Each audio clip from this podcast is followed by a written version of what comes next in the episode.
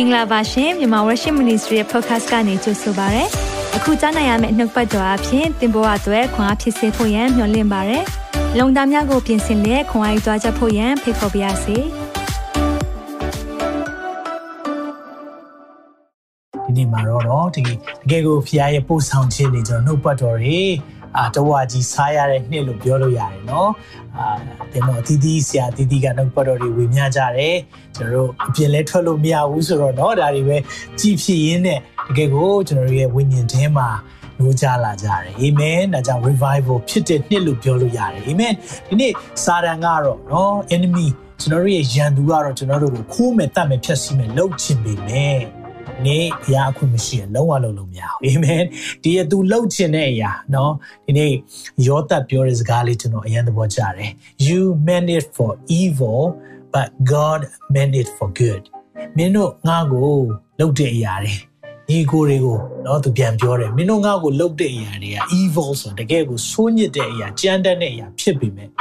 ဒီနေ့ God meant it for good ဆိုတာဖခင်ကတော့ဒီဟာကိုအကောင်းဖြစ်စေတယ် hallelujah ဒီနေ့ထိုနည်း၎င်းပဲဒီနေ့တို့ကိုယ့်ရဲ့အသက်တာမှာလေတချို့လူတွေလှုပ်သွားတဲ့အရာလေးတွေကကိုယ့်ရဲ့အသက်တာကိုတကယ်ကိုဆွဲချတဲ့အရာတွေထိုးနှက်တဲ့အရာတွေဖြစ်ကောင်းဖြစ်မယ်ဒါပေမဲ့အဲ့ဒီအရာကိုဖခင်ကလေ switch ပြောင်းပေးနိုင်တယ်အာမင်ယုံကြည်ပါအဲကြောင့်အဆိုးအဖြစ်အရှုံးမခံနဲ့အကောင်းအဖြစ်အဆိုးကိုနိုင်တော့တစ်ခါတော့ပြောကြည့်အောင်အဆိုးအဖြစ်အရှုံးမခံနဲ့အကောင်းအဖြစ်အဆိုးကိုနိုင်တော့တချို့တွေနော်ကျွန်တော်တို့မထင်ထားတဲ့အရာလေးတွေဖြစ်တဲ့အခါမှာလူတွေကိုမုန်းမိလိမ့်မှာဆိုလို့ဒီနေ့မှာပြောပြနေတာဖြစ်တယ်ဒီနေ့ရောတက်လဲသူ့ရဲ့ညီကိုတွေကိုမုန်းမယ်ဆိုရင်မုန်းစရာကြီးပါနော်သူကိုရောင်းစားတယ်သူဘလောက်ထိတောင်းပန်တောင်းပန်အားလုံးကဒီအရာကိုလုပ်ခဲ့တယ်ဒါပေမဲ့လည်း ဒီနေ့ Egypt မှာရောက်တဲ့ဘုရင်ခံနော် second in charge ဆိုတာဒုတိယအကြီးဆုံးပုဂ္ဂိုလ်ဖြစ်သွားတယ်။ဘာကြောင့်လဲ။ဒီနေ့မှာလူတွေရဲ့ထိုးနှက်တဲ့အရာနှိမ့်ဆက်တဲ့အရာဘုရားကပြောင်းပေးနိုင်တယ်။ hallelujah ဒါကြောင့်ဒါလေးနဲ့အရင်ဆုံးခွန်အားပေးခြင်းနဲ့ဒီနေ့ဘုရားရှင်နာမတော်ကိုထူးချီးမွမ်းနေအာအားလုံးကိုကြိုဆိုပါရစေ။ဒီနေ့ညပြောမယ့်အကြောင်းအရာလေးအရင်ရင်ခုန်တယ်။ ဒီနေ့ program မပြောခင်မှာเนาะကျွန်တော်ပြောချင်တဲ့အကြောင်းအရာလေးတစ်ခုရှိတယ်အဲ့ဒါပါလဲဆိုတော့အာအားလုံးကတော့เนาะကျွန်တော်အမှုပညာသမားလို့တချို့သိကြမယ်เนาะကျွန်တော်အာဂီတအကြောင်းတွေတက်ခဲ့တယ်အမှုပညာစိတ်ဝင်စားတယ်ဆိုတော့အမှုပညာနဲ့ပတ်သက်ပြီးဖန်တီးမှုတွေကျွန်တော်အရင်ကြိုက်တယ်တခုခုဆိုကျွန်တော်က ဟိုနည်းနည်းလေး creative ပေါ့နော်ဖန်တီးရတဲ့အရာကိုသဘောကျတယ်ဆိုတော့ကျွန်တော် note pad တော်ကြီးမဆာယူကျွန်တော်အမြဲတမ်းဒီအရာပေါ်မှာအမျိုးကြမဖြစ်တော့အမြဲတမ်းကျွန်တော်အာဘယ်လိုပြောမလဲပြင်ဆင်တယ်ပေါ့နော်ပြင်ဆင်ပြီးတော့သူများနဲ့မတူအောင်အမြဲတမ်းလုပ်လို့ရှိအဲ့ဒီအချိန်မှာကျွန်တော်စဉ်းစားမိတယ်အကယ်၍ Christmas အကြောင်းအရာဟာနော်ဇလန်တစ်ခုဖြစ်ခဲ့တယ် နော်ရုပ်ရှင်ဖြစ်မယ်ဆိုပါလေနော်ဆိုရင်အဲ့ဒီရုပ်ရှင်ကြည့်တဲ့အခါမှာနော်ဇက်ကောင်တွေပါတယ်နော်ဒီရုပ်ရှင်ကတကယ်တော့ရုပ်ရှင်လို့ပြောရင်တော့ကျွန်တော်တို့ကတေးဥဆောင်တယ်တော့เนาะတကယ်မဟုတ်တဲ့ဟာကိုလုပ်တယ်လို့ထင်ကောင်းထင်တယ်ဒါပေမဲ့အဲကြောင့်ကျွန်တော်ကဒါဒီရဲ့ပြောမဲ့เนาะအကြောင်းအရာကဘာလဲဆိုတော့တကယ်ကို based on true story ဖြစ်ရမှန်ဖြစ်ရမှန်ကိုအခြေခံထားတယ်ဘာဖြစ်ရမှန်လဲ the greatest love ဆိုတာလေအကြီးမားဆုံးသောမေတ္တာအကြောင်းကို ဖွင့်နှထားတဲ့ဇလံအဲ့ဒီဇလံအကြောင်းကိုဒီဒီဇင်ဘာလတစ်လလုံးမှာပြောရမှာနော်ဆိုတော့ကျွန်တော်အဲ့ဒီအကြောင်းစဉ်းစားတဲ့အခါမှာဇက်ပို့တွေရှိတယ်ဇက်ရံတွေရှိတယ်ဇက်ကောင်တွေနော်ရှိတယ်အဲ့ဒီအကြောင်းအရာကိုကျွန်တော်တို့တွေလေ့လာသွားမယ်ဒီအကြောင်းအရာစဉ်းစားကြည့်ရအောင်เนาะဘယ်လောက်ရင်ခုန်မှုကောင်းလဲเนาะကျွန်တော်ရုပ်ရှင်ဇလန်တွဲတစ်ခုမှာတရားဥထိပ်ပဲပါတယ်ဆိုရင်ဘယ်လောက်ပြင်းစရာကောင်းမလဲအဲမဲ့เนาะဒီနေ့ရုပ်ရှင်ဇလန်လို့ပြောတဲ့အခါမှာဒီနေ့ကျွန်တော်တို့ Christmas ဟာ တကယ်ကိုစစ်မှန်တဲ့အဖြစ်ပြက်ဖြစ်ခဲ့တာဖြစ်တဲ့အတွက်ကြောင့်မလို့ဒီအကြောင်းအရာကိုကျွန်တော်တို့လေ့လာတဲ့အခါမှာကျွန်တော်တခါမှမမြင်ဘူးသေးတဲ့เนาะအကြောင်းအရာလေးတွေတခါမှကျွန်တော်တို့ဒီလိုမျိုးမမြင်ခဲ့တဲ့ပုံစံလေးတွေကိုဒီနေ့မှာကျွန်တော်တို့အဲ့ဒါလေးတွေကိုနည်းနည်းလေး creative ပေါ့เนาะဖန်တီးပြီးတော့ကျွန်တော်တို့ အာဒီနေ့မှာပြောပြသွားမယ်ဒီနေ့ခွန်အားရမယ့်အရာတွေအများကြီးရှိတယ်ကျွန်တော်ပစ္စည်းနဲ့ခွန်အားရရတယ်တခါမှမတွေ့ဘူးလိုက်တဲ့အာဘယ်လိုပြောမလဲအဲရှူတောင်လေးတွေเนาะဒါလေးတွေကိုကျွန်တော်တို့အခုချိန်မှာဒီအရာနဲ့ဒီတစ်လလုံးမှာပြောတော့မှာဖြစ်တယ်ဆိုတော့အဲကြောင့်ကျွန်တော်ဒီရဲ့ခေါင်းစဉ်ကိုတော့ဘယ်လိုပြီးထားလဲဆိုတော့ Christmas ဇက်ကောင်များလို့เนาะဒီ series တစ်ခုလုံး Christmas ဇက်ကောင်များเนาะကျွန်တော် Christmas တောက်လျှောက်မှာကျွန်တော်တို့ ပြောသွားမယ်ဆိုတော့ကျွန်တော်အာဘိုင်းဘယ်နှဘိုင်းရှိမလဲတော့မသိဘူးကျွန်တော်အကျန်းရေးအတွက်တာတော့10ဘိုင်းလောက်ရှိတယ်ပြောစရာကြီးเนาะဒါတွေအကုန်လုံးပြောသွားမှာဖြစ်တယ်ဆိုတော့ဖျာရှင်နာမတော်ကိုအထူးချီးမွမ်းတယ်ဒါပေမဲ့အရေးကြီးဆုံးကဘာလဲဆိုတော့တန်ရှင်သောဝိညာဉ်တော်ကကျွန်တော်တို့ဘာပြီးဘာဘယ်လိုမျိုးနားလဲစီချင်လဲနှုတ်ဘတ်တော်ကျွန်တော်တစ်ခါလေလွတ်သွားတဲ့အရာလေးတွေရှိတယ်ကျွန်တော်တို့နဲ့ဘယ်လိုဆက်ဆက်မှုရှိတယ်เนาะဒါလေးကိုဒီနေ့ကျွန်တော်တို့မှာပြန်ပြီးတော့လေ့လာသွားရအောင်လို့เนาะဆိုတော့ကျွန်တော်တို့ လေ့လာခင်မှာကျွန်တော်မသွားခင်မှာခဏလောက်စက္ကန့်အနံစေချင်တယ်အသက်တာရဲ့အနံရအောင်ကျွန်တော်တို့တချို့မီးပြတ်သွားတာရှိတယ်ခုနလေးဒီမှာမီးမငြိမ်ဘူးဖြစ်သွားတယ်တစ်ချက်ဒီလိုဆက်ဆက်မယ်နော်ဆိုတော့စာတန်ကတော့ခိုးမယ်တတ်မယ်ဖြည့်ဆည်းမယ်လုပ်ချင်တယ်ဒါပေမဲ့ဘုရားကတော့ကျွန်တော်တို့ကိုဒီနေ့မှာအတူပါရှိတယ်လမ်းပြနေတယ်ဒီအတွက်ကျွန်တော်ဆုတောင်းရအောင်အာမင်အားလုံး အားလုံးဒီနေ့ရှိတဲ့နေရာမှာကျွန်တော်တို့ပါဝင်ဆက်ကပ်ရအောင်ဆူတောင်းရအောင်ကျွန်တော်တို့ဆင်မအတွက် team အတွက်ဆူတောင်းပေးပါ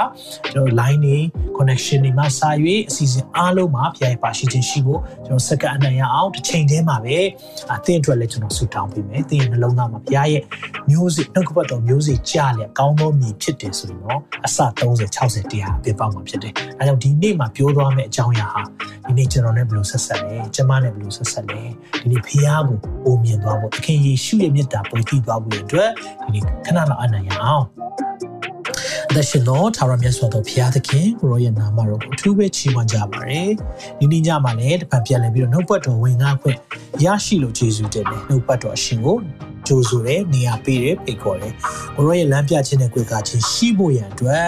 ဒီညမှာကျွန်တော်တို့အကူအညီတောင်းပါတယ်။ဒါရှင်သောဝိညာဉ်တော်ဘုရားကိုရောကိုယ်တိုင်သင်ပေးပါ။ကောင်းကင်ဘုရားဒီနေ့လေထုကိုပြောင်းလဲစေပါ။ကျွန်တော်တို့ရဲ့နားမလည်နိုင်တဲ့အရာအားလုံးကိုတန်ရှင်သောဝိညာဉ်တော်အဖြစ်နားလည်ရတဲ့ခွင့်ပေးပါ။ကျွန်တော်တို့နှုတ်ဆက်ရှာအုံနောက်ကျန်စီစက်ပစ္စည်းများမှာဆိုင် team တစ်ခုလုံးအားလုံးကိုကောင်းချီးပေးပြီးအထူးဖြင့်နှုတ်ကပတ်တော်မျိုးစေ့ကြမယ်မြေများဖြစ်တယ်။ကိုရောယုံကြည်သူများ ဓမ္မမိတ်ဆွေများရဲ့နှလုံးသားအသီးသီးကိုယေရှုနာမနဲ့ကောင်းချီးပေးတယ်။ဘုရားရှင်ကိုရောကိုယ်တိုင်စကားပြောလျက်ဒီနေ့ညမှာခရစ်တော်ကိုပို့တည်သွားဖို့ခရစ်တော်ကိုပို့ပြီးတော့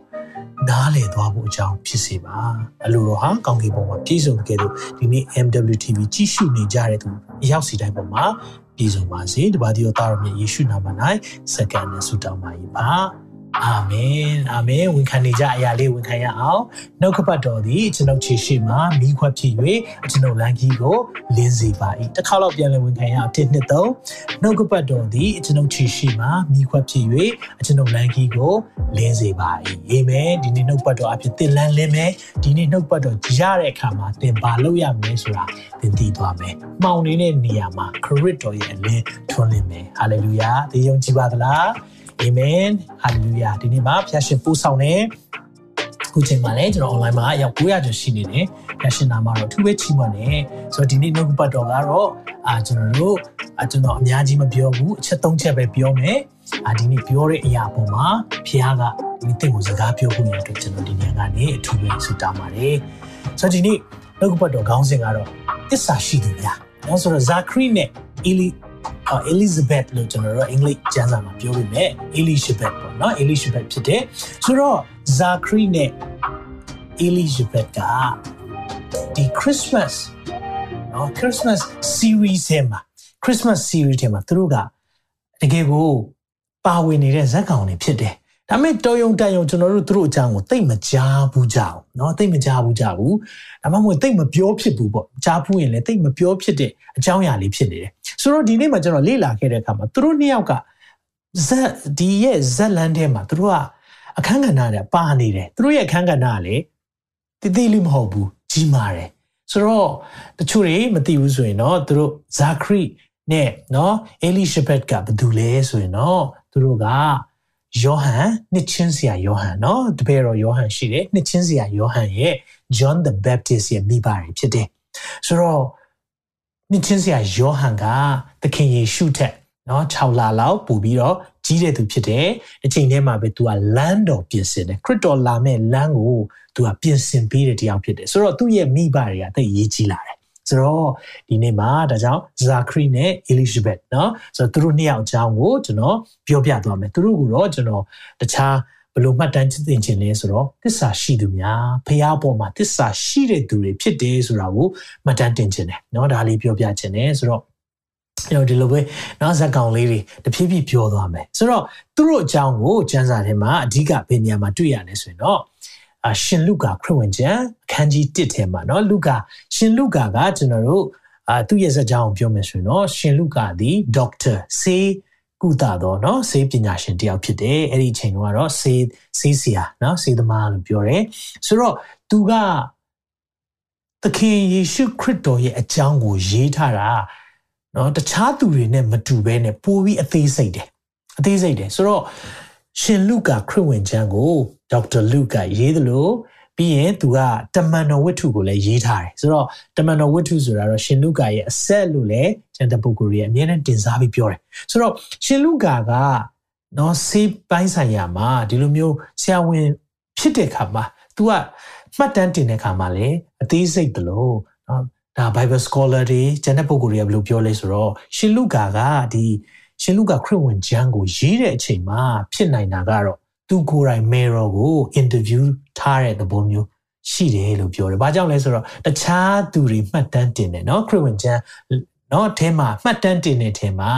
သူ့ရဲ့မှတ်တမ်းတင်တဲ့အရာလေးကနည်းနည်းပို့ပြီးတော့အသေးစိတ်တာတွေ့ရတယ်။အသေးစိတ်တယ်ဆိုတဲ့အပိုင်းမှာပို့ပြီးတော့ဟို in နော်တယောက်ယောက်ကိုမေးပြီးတော့ပြီးလှုပ်ထားတဲ့သဘောမျိုးပို့တွေ့ရတယ်။မှတ်သေးဆိုရင်တော့ तू ကတော့အာအခွန်ခံဖြစ်တဲ့အခါမှာ तू မှတ်တမ်းတင်တဲ့အခါမှာတော့အမြဲတမ်း တိတိကျကျပေါ့နော်သူကြတော့ဆွေစဉ်မျိုးဆက်နဲ့တကယ်ကိုယုံကနာဆန်ဆန်လေးမှတ်တမ်းတင်တယ်ရှင်လူကကြတော့ပို့ပြီးတော့လူတွေကိုမေးမြန်းပြီးတော့เนาะအထူးသဖြင့်မေရိုမာရီကိုသူကိုယ်တိုင်မေးမြန်းပြီးတော့သဘောမျိုးတွေ့ရတယ်ဆိုတဲ့အရာလဲเนาะဒီထဲမှာတွေ့ရတယ်ဆိုတော့အဲ့လိုအကြောင်းပြောတဲ့အခါမှာရှင်လူကခရစ်ဝင်ကျမ်းအခန်းကြီး1ကိုကျွန်တော်တို့စပြီးတော့တွေ့တာ ਨੇ ဘာတွေ့ရလဲဆိုတော့သူကနော်သခင်ယေရှုအကြောင်းကိုပြောမဲ့အရာမှာ တခြားဇက်ကောင်လေးတွေကိုအရင်ဆုံးသူပြောထားတယ်အဲ့ဒါကတော့ဇာခရိအကြောင်းကိုပြောထားတာတွေ့ရတယ်ဆိုတော့ကျွန်တော်တို့အဲ့ဒါလေးကိုအရင်ဆုံးဖတ်ကြည့်အောင်เนาะဆိုတော့အဲ့ဒီရဲ့ခေါင်းစဉ်ကိုမြန်မာကျမ်းစာမှာဆိုရင်တော့ဗတ္တိဇံဆရာယောဟန်မွေးဖွားမိအကြောင်းဆိုပြီးတော့ပြောထားတယ်။အားကြောင့်လဲဆိုတော့သခင်ယေရှုရဲ့ဇလံမှာဗတ္တိဇံဆရာယောဟန်လည်းတိတ်အရေးကြီးတယ်ပြီးရင်သူရဲ့မိဘတွေကတိတ်အရေးကြီးတယ်။ဆိုတော့ချက်လောက်ရှိအောင်တော့ကျွန်တော်အငယ်9ကနေပဲဖတ်သွားပါမယ်။ရှင်လုကာခရစ်ဝင်ခန်းကြီး1အငယ်9ကနေဖတ်မယ်။ ယူရပီကိုအစိုးရသောဟီရိုမင်းကြီးလက်ထက်နော်အဲ့ဒီမှာဟီရိုမင်းကြီးယူရပီကိုအုပ်ဆိုးနေတယ်ဆိုတဲ့အရာလေးကျွန်တော်တို့တွေ့ရသလိုအဲ့ဒီမှာအဘိယအသင်းအဝင်ဖြစ်၍တဲ့အဲ့စကလုံးရေးကြည့်ရနော်အဘိယအဘိယအသင်းဝင်ဖြစ်၍ဇာခရိအမည်ရှိသောယစ်ဘရဟိတပါရှိဆိုတော့ဇာခရိကယစ်ဘရဟိဖြစ်တယ်လို့ပြောသလိုဘယ် ဘယ်အဖွဲ့ထဲရလဲဆိုရင်တော့သူကအဘိယအသင်းဝင်ဖြစ်တယ်ကျွန်တော်ဒါကိုရှင်းပြခြင်းတယ်ဆိုတော့သူဤခင်ပွန်းသည်ဆိုတာသူ့ရဲ့အမျိုးသမီးကိုပြောတာဖြစ်တယ်အေလိရှဘက်အာယုံအမျိုးနွယ်ဆိုတော့သူကလည်းယစ်ဘရဟိမျိုးပဲဆိုတော့သူတို့ဟိုဇနီးမောင်နှံနှစ်ယောက်လုံးကယစ်ဘရဟိမျိုးနွယ်တွေဖြစ်တယ်ဆိုတာကိုကျမ်းစာထဲမှာမှတ်တမ်းတင်တယ်ဒါပဲလားဆိုတော့သူ့မိကအေလိရှဘက်ဒီ ဆက်ပြီးပြောပါတယ်ထိုသူနှစ်ယောက်တို့သည်သာရဖျားပြည့်ညက်တော်အမျိုးမျိုးတို့ကိုကျင့်ဆောင်ပြီးဆိုဖျားရဲ့စကားကိုအမျက်နာခံတော်သူတွေဖြစ်ပြီးတော့အပြစ်တင်ခြင်းအခွင့်နဲ့အပြစ်အပြစ်တင်ခွင့်နဲ့လွတ်တဲ့ဖြစ်နော်သူတို့က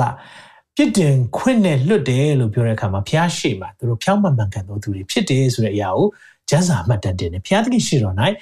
ဖြောင်းမှတ်ခြင်းပါရမီရှိကြ၏အေလိရှဘက်သည်မြုံသောကြောင့်အော်ဖြောင်းမှတ်တယ်ဖျားစကားနားထောင်တယ်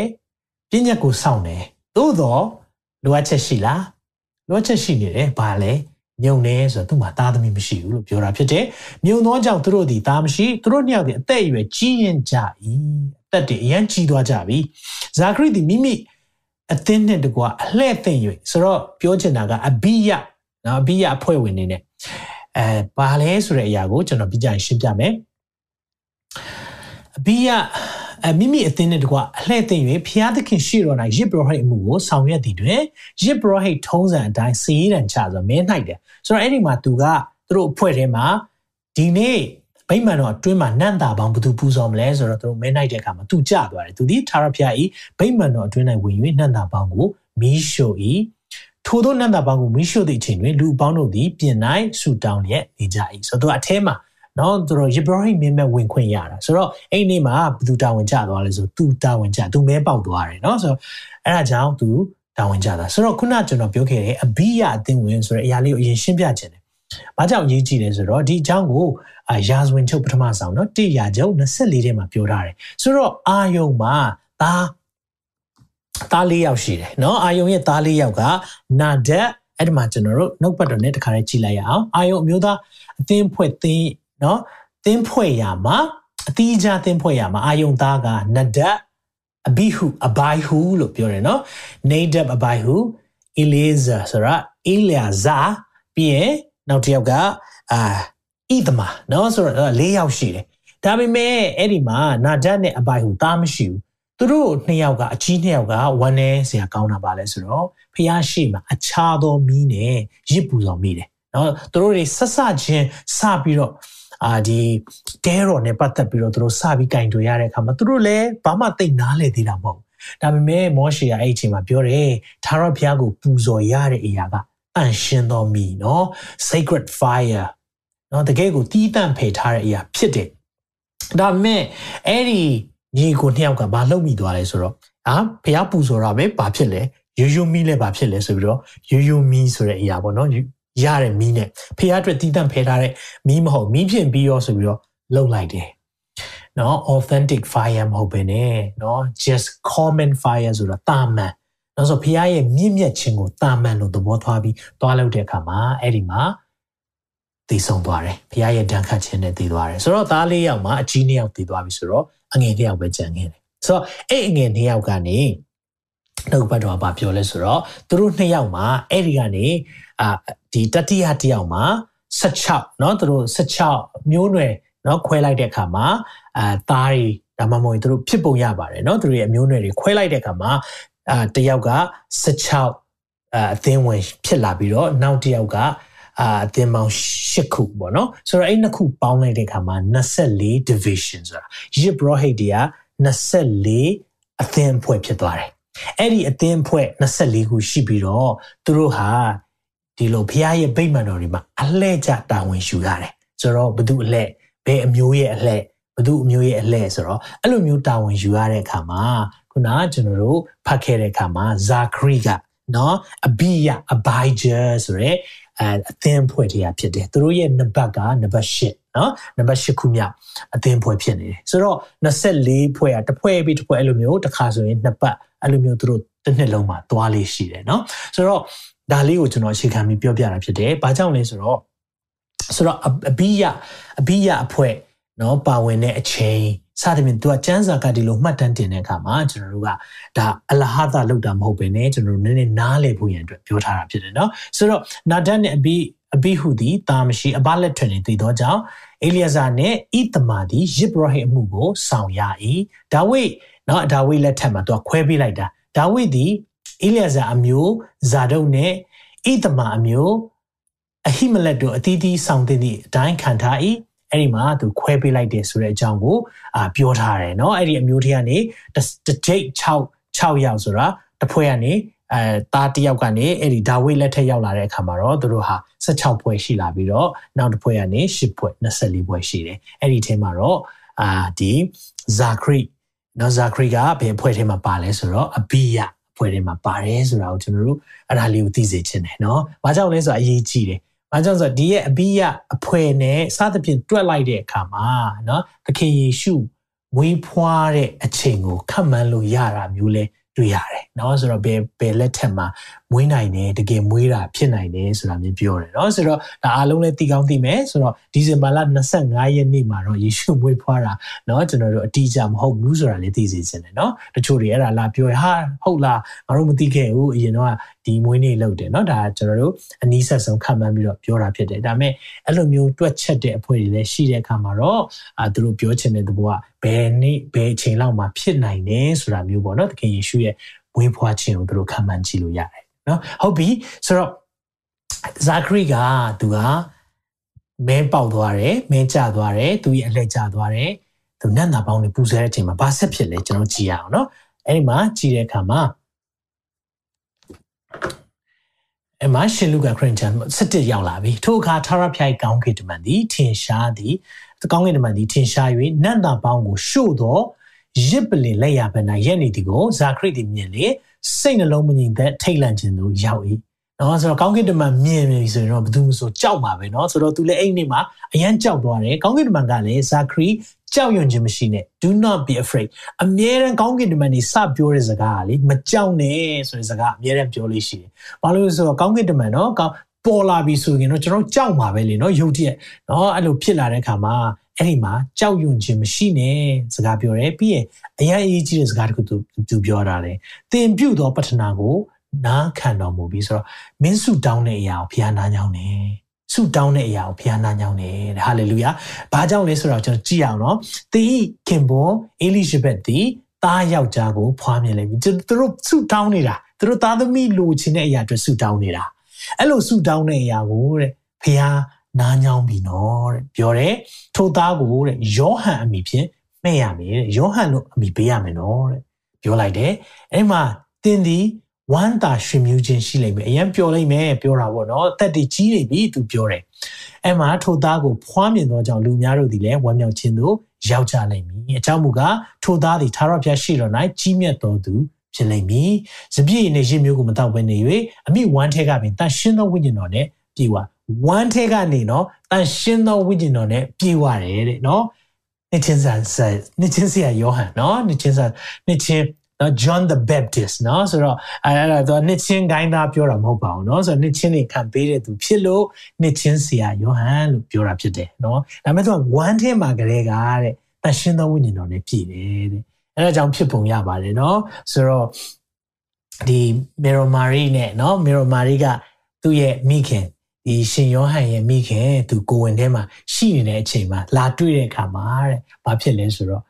အဲ့ဒီ bike ထဲကကလေးကခုန်နေတယ်เนาะဆိုတော့เนาะတန်ရှင်တော်ဝိညာဉ်တော်နဲ့ပြည့်တဲ့လူတွေခုန်ပုံရပါတယ်เนาะဆိုတော့အဲ့ဒါလည်းတွေ့ရတယ်ဆိုတော့ဒီမှာကြည့်တဲ့အခါမှာအမိဝမ်းတဲ့ကပဲတန်ရှင်တော်ဝိညာဉ်တော်နဲ့ပြေဝလိမ့်မည်တဲ့အေးဒီလာမျိုးသားအများတို့ကိုသူတို့ဖျားခင်သာရဖျားထံတော်သူပြောင်းလဲစေလိမ့်မည်လူတွေသူ့ကြောင့်ပြောင်းလဲလိမ့်မယ်ဒါပြောနေတဲ့အရာเนาะအဘတို့နဲ့သားတို့ဒီအသင့်တင့်ဖြစ်စေခြင်းက၎င်းညှင်းဆန်သောသူတို့ကို သူတော်ကောင်းတို့ဤတတိပညာလန်းသို့ပြောင်းလဲစေသောအဖြစ်ထာဝရဘုရားဖို့လို့ငါပြင်ဆင်သောလူမျိုးဖြစ်စေခြင်းက၎င်းသူသည်အဲ့မှာပြောတယ်အေလိယဤစိတ်ဝိညာဉ်တကူ the spirit of elijah အေလိယလူပဲเนาะအေလိယရဲ့စိတ်ဝိညာဉ်တကူနဲ့ပြည့်စုံ၍ဘုရားသခင်ရှိတော်၌တွားလိမ့်မည်ဟုကောင်းကင်မှာပြောတယ်အဲ့လိုပြောလဲပြောလိုက်ရောအဲ့ဒီမှာဘာဖြစ်သွားလဲဆိုတော့ဇာခရိကလည်းထို့သောဖြစ်လိမ့်မည်ကိုကျွန်တော်ဘယ်သို့သိရပါမည် အဲ့လိုဖြစ်မယ်ဆိုတော့ဘယ်လိုသိရမလဲသူတို့ကဆူတောင်းတယ်နော်ဖះကိုယုံကြည်တဲ့သူဖြစ်တယ်အကျွန်ုပ်ဒီလူအိုအော်သူအိုတဲ့အကြောင်းပြောပြီးကျွန်ုပ်များသည်လည်းအသက်အရွယ်ကြီးရင်ပါပြီလို့ကောင်းကင်မှာအားပြောဆိုတယ်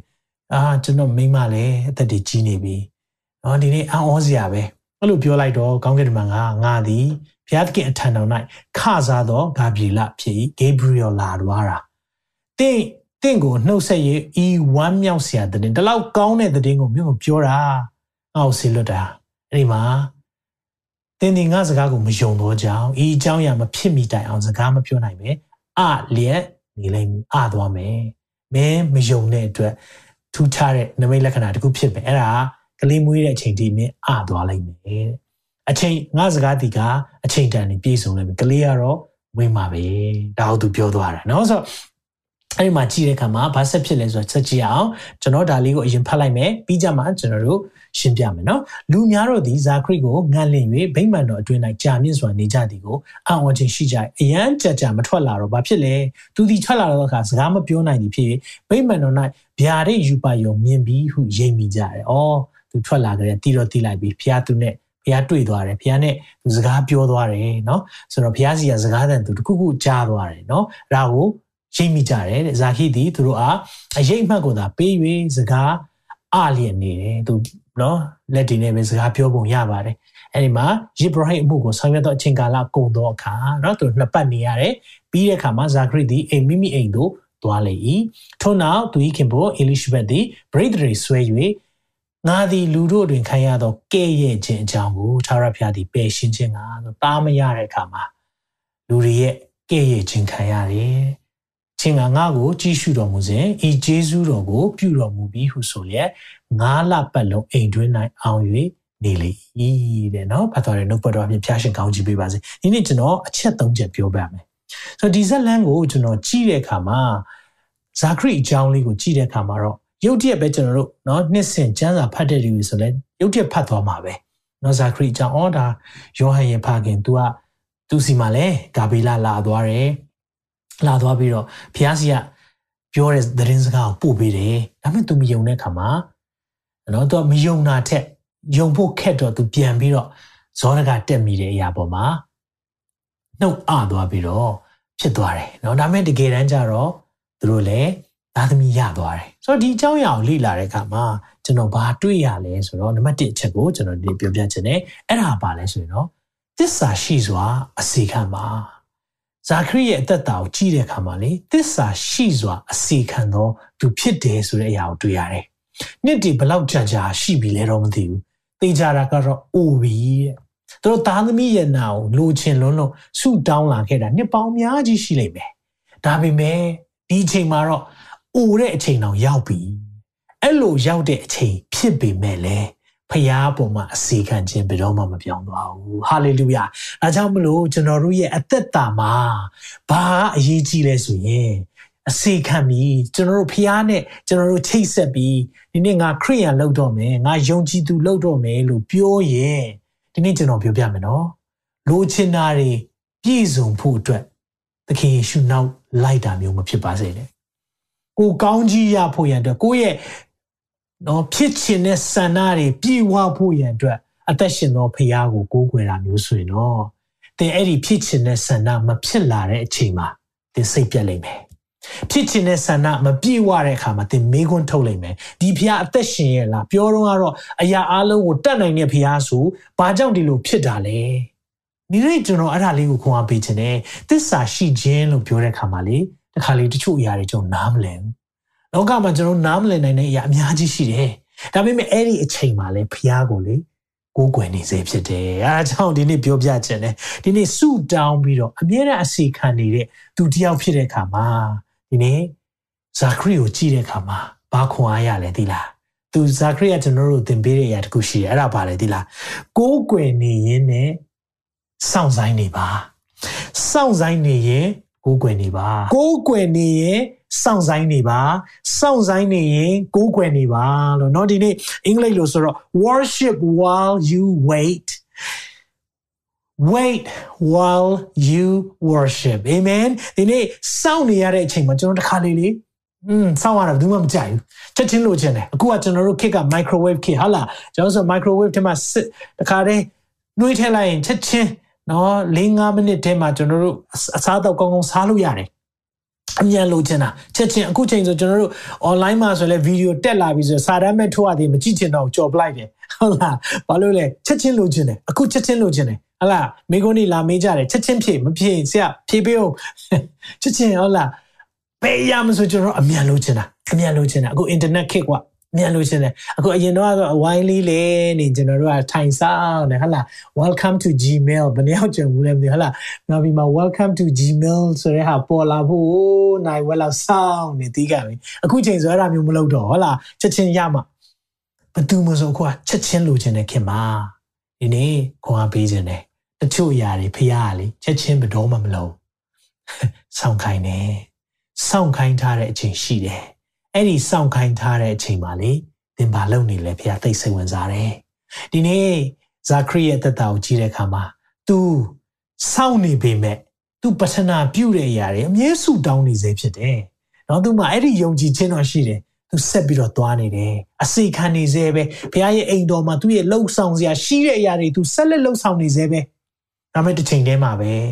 သူ့မှာလိုအပ်ချက်ရှိလားဆိုရှိနေတယ် မိတ်ဆွေတို့နဲ့ခွန်အားပေးခြင်းနဲ့သင်ဆုတောင်းတဲ့အရာသာသမီယန္တာဖြစ်ကောင်းဖြစ်လိမ့်မယ်။သင်ဆုတောင်းတဲ့အရာမပြည့်တဲ့အခါမှာနင်ဖျားပုံမှာမေးခွန်းမထုတ်ပါနဲ့။ဖျားကပေးနိုင်တယ်ဆိုတာကိုယုံကြည်ပါ။သူအချိန်တန်တဲ့အချိန်ပေးမယ်ဆိုတဲ့အရာကိုလည်းယုံကြည်ပါ။ဟာလေလုယာ။ဒီနေ့ဖျား သင်ကိုစကားပြောပါစေ။သင်စောင့်နေတဲ့အရာကသင်ကားဝင်ဖို့စောင့်ကောင်းစောင့်နေလိမ့်မယ်။အိမ်ဝယ်ဖို့စောင့်ကောင်းစောင့်နိုင်လိမ့်မယ်။ဒါမှမဟုတ်ရင်သားသမီးတွေအိမ်ပြန်လာဖို့စောင့်နေတဲ့မိဘလည်းရှိကောင်းရှိလိမ့်မယ်။ဒါပေမဲ့အဲ့ဒီအချိန်မှာသင်ဘာလုပ်နေသလဲ။သိရေးကြည့်တယ်။သင်သားသမီးတွေ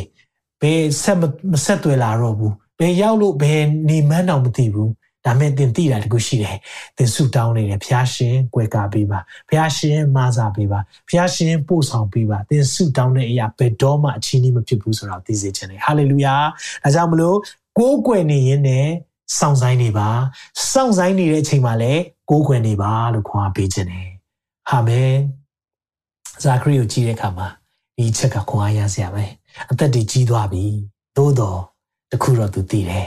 ဖះစီမှာသူဆူတောင်းနေစေဖြစ်တယ်ဆူတောင်းနေစေဖြစ်တယ်ဒါကြောင့်မလို့ဂါဘရီလာကလာတာနဲ့ပါပြောလဲဆိုတော့ပထနာစကားဖះကြားတယ်ဖះဖြည့်ပေးမယ်မိရဲ့ဆူတောင်းချက်တွေဖះဖြည့်ပေးဖို့ငါရောက်လာတာဖះနာမှာခစားတဲ့ဂါဘရီလာဆိုတာ Gabriel the messenger เนาะ one of the chief angel เนาะဆိုတော့သူကအဲဒီကောင်းကင်တမန်အကြီးကဲမင်းနေတဲ့အတပါးဖြစ်တယ်သူကိုယ်တိုင်လာပြီးပြောသွားတယ် hallelujah အဲကြောင့်ကျွန်တော်တို့ရဲ့အသက်တာမှာလည်း worship while you wait while you wait while you worship စောင့်ဆိုင်နေတဲ့အချိန်မှာလည်းချီးမွမ်းနေလိုက်ပါချီးမွမ်းနေတဲ့အချိန်မှာလည်းစောင့်ဆိုင်နေရတဲ့အချိန်ရှိကောင်းရှိလိမ့်မယ်စောင့်ဆိုင်နေရတဲ့အချိန်မှာလည်းဆုတောင်းနေလိုက်ပါဆုတောင်းနေတဲ့အချိန်မှာလည်းစောင့်ဆိုင်နေလိုက်ပါမိတ်ဆွေဒီနေ့ဖခင်ကသူ့အချိန်နဲ့ပဲသူ့လုံးလုံးတယ်ကျွန်တော်တို့ညံ့ကျင်တယ်ကျွန်တော်တို့စိတ်လောတတ်တယ်ဒါပေမဲ့ ဖခင်ရဲ့အချိန်ကအကောင်းဆုံးဖြစ်တယ်။ဖခင်ကအချိန်ကိုပိုင်တော်သူဖြစ်တယ်။ကျွန်တော်တို့အတွက်တော့အသက်ကြီးနေပြီ။အသက်ကြီးနေပြီ။အိုနေပြီ။နော်ဒီနေ့ပြောကောင်းပြောလိုက်မယ်။ဒါကြောင့်ဒီနံပါတ်1အချက်ဒီအရာလေးကိုကျွန်တော်ခွန်အားပေးခြင်းတယ်။ဒီနေ့မှာနော်အသက်ကြီးနေပြီ။အိုနေပြီမဟုတ်ဘူး။သခင်ရဲ့တက်ဆွမ်းနိုင်ခြင်းကိုအကျွမ်းမဲ့ယုံကြည်ပါ။ တစ်ခေါက်ပြန်ပြောမယ်သခင်ရဲ့တက်ဆွမ်းနိုင်ခြင်းအပေါ်အကျွမ်းမဲ့ယုံကြည်ပါသခင်တက်နိုင်တဲ့အရာပေါ်မှာယုံကြည်ဖို့ဖြစ်တယ်သင်လုံနိုင်ခြင်းပေါ်မှာမူတည်တာမဟုတ်ဘူးသခင်ရဲ့တက်ဆွမ်းနိုင်ခြင်းပေါ်မှာမူတည်တာဒီနေ့အဲ့ဒီအရာကိုပြောလာတဲ့အခါမှာဒီနေ့ဘာဖြစ်လဲဒီနေ့တစ်ချက်လောက်ကြည့်အောင်ဟာဒီမှာဖះကကိုယ်တိုင်လာပြီးတော့ပြောပြီးဒါပေမဲ့ तू ပြန်ဖြေလိုက်တဲ့အကြောင်းကကျွန်တော်လူအိုဖြစ်နေပြီ ဇာခရီသည်နော်သားသမီးရမယ်အေလိယလိုစိတ်ဝိညာဉ်တကူနဲ့ကြီးလာတဲ့သူဖြစ်လိမ့်မယ်ပြောတဲ့အခါမှာအငယ်၁၈ကိုကြည့်အောင်ဇာခရီကလည်းထို့သောဖြစ်လိမ့်မည်ကိုကျွန်ုပ်ဘယ်လိုသိမလဲကျွန်ုပ်ဒီလူအိုမတတ်တော့ဘူးခွန်အားမရှိတော့ဘူးမတတ်ဆွမ်းနိုင်တော့ဘူးမလုံနိုင်တော့ဘူးကျွန်တော်ဒီမှာမတတ်မှာတော့ဘူးဖះကပြောနေတာအဲ့တော့မဟုတ်ဘူး ပေးမယ်လို့ပြောနေတာဖခင်ကသင်ရဲ့တောင်းတောင်းလျှောက်ခဲ့တဲ့အရာနှစ်ပေါင်းများစွာတစ္ဆာရှိစွာသင်တောင်းလျှောက်ခဲ့တဲ့အရာဖခင်ပေးမယ်လို့ပြောနေတဲ့အခါမှာဂျေဇုပါလို့ပြောမယ်စားဒီမှာဇာခရီးကတော့ကျွန်တော်လူအိုဖြစ်တယ်ကျွန်တော်အိုနေပြီလေကျွန်တော်အမျိုးသမီးလည်းအိုသွားပြီပြောတယ်အဲ့လိုပြောတဲ့အခါမှာနေဘာနားလဲဖို့လို့လဲဒီလားနေဖခင်ရဲ့တတ်နိုင်ခြင်းပေါ်မှာမမူတည်ပဲနဲ့ ကျွန်တော်တို့ရဲ့တက်နိုင်ခြင်းပေါ်မှာမူတည်တဲ့အရာဖျားမကြိုက်ဘူးကျွန်တော်တို့တခါလေကျွန်တော်ထင်တယ်အာငါပညာမမတက်တာမိတ်ဆွေပညာမတက်လို့လုံးဝစိတ်မပြတ်နဲ့ကျောင်းစာမသင်ရလို့လုံးဝစိတ်မပြတ်နဲ့ကျမ်းစာတအုပ်လုံးမှာကြည့်တဲ့အခါမှာလေရှင်ဘရင်ကကျမ်းစာရေးတာရှိသလိုပညာတတ်တွေရေးတာပါသလိုဒီနေ့တငါသေးတွေရေးတဲ့အရာတွေလည်းရှိတယ် နော်ဒီနေ့အခွန်ခံနေရေးတဲ့အရာတွေလည်းရှိတယ်ဖျားသုံးသွားတဲ့သူတွေထဲမှာပြစ်ဒစာမှတော့ပါသေးတယ်ဖျားသုံးသွားတဲ့သူတွေထဲမှာအကျဉ်ခံရတဲ့လူမျိုးတွေနှာခေါင်းရှုံခံရတဲ့လူမျိုးတွေလည်းပါတယ်ဆိုတာသင်မမေ့နဲ့ဒီနေ့ဖျားဟာအသက်ရှင်သောဖျားဖြစ်တယ်လို့ဒီနေ့ သင်ဒီနေ့အသက်ရှင်နေတယ်ဆိုဘုရားကြံစီရှိသေးတယ်ဘယ်တော့မှလက်မလျှော့နဲ့အာငါပြီးသွားပြီငါကာလကုန်ပြီထင်တယ်ငါအသက်အကျဉ်းကြီးသွားပြီငါတို့မတတ်မာတော့ဘူးငါတို့မလှုပ်ရှားနိုင်တော့ဘူးငါတို့လှုပ်ရှားမှုတွေနှေးလာပြီအိုသွားပြီလို့ပြောတဲ့သဘောကငါတို့အရင်လိုမဟုတ်တော့ဘူးအရင်လိုမဟုတ်တော့ဘူးငါတို့ရဲ့အသက်တာမှာမရှိတော့ဘူးဘာမှအရင်လိုအချိန်အဝါတွေမရှိတော့ဘူးအရင်လိုတာမာခြင်းတွေမရှိတော့ဘူးမိတ်ဆွေအဲ့လိုဖြစ်တယ်ဆိုရင်လေ ဒီနေ့ကျွန်တော်ဒီနေ့ခွန်အားပေးခြင်းတယ်ဒါသင်ရဲ့ခွန်အားပုံမှာသင်ရက်တည်နေတာဒီနေ့သခင်ရဲ့တတ်နိုင်ခြင်းပုံမှာအားကိုးလိုက်စမ်းပါဟာလေလုယာသခင်ရဲ့လှုပ်ဆောင်နိုင်ခြင်းပုံမှာသင်ရက်တည်လိုက်ပါအဲ့ဒီရက်တည်ခြင်းကိုသခင်လိုချင်တယ်အာမင်မှန်တာဗောဖခင်မသိဘဲနေမလားဖခင်ကဒီနေ့ သားသမီးရဲ့နာပေးမယ်လို့ဇာခရီကိုပြောတဲ့အချိန်မှာ तू အိုနေပြီဆိုတာဖခင်မသိဘဲနေမလားအေလိအေလိဇဘက်သူ့ရဲ့အမျိုးသမီးလည်းအိုနေပြီနော်မသိဘဲနေမလားဒီမှာတခုစဉ်းစားကြည့်အောင်နော်တကယ်တော့ဒီရဲ့အကြောင်းအရာ ဂါဘေဂါဘေလသူ့ကိုပြောတဲ့အကြောင်းအရာ तू စမ်းစာဖတ်ဖူးလိုက်မယ်နော်ယစ်ပရောဟိတ်ဆိုတော့ तू စမ်းစာသိလိုက်မယ်စမ်းစာဘယ်လောက်ထိသိမလဲဆိုတော့လေအာဗြဟံ ကိုဖျားသားသမီးပေးတယ်ဆိုတော့ तू သိကိုသိတယ်ဘာကြောင့်လဲအာဗြဟံမျိုးဆက်အာဇအာဗြဟံအိဇက်ယာကုပ်နော်အိဇက်လေးမွေးဖို့ရန်အတွက်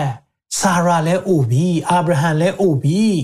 အဲ့ဒီအချိန်မှာသားသမီးရင်နာရတယ်ဆိုတာ तू လေဖတ်ဖူးလိုက်မယ်တိလားကောင်းကောင်းသိတယ်အဲ့ဒီအကြောင်းရအောင်ဒါပေမဲ့သူ့ဘဝမှာလက်တွေ့အဲ့လိုဖြစ်လာမယ်ဆိုတဲ့အချိန်ကြတော့သူညံမမီတော့သူသူမလုံနိုင်တော့ သူစဉ်းစားကြည့်လိုက်တိုင်းဒါကြီးက impossible ဟာမဖြစ်နိုင်ဘူး yes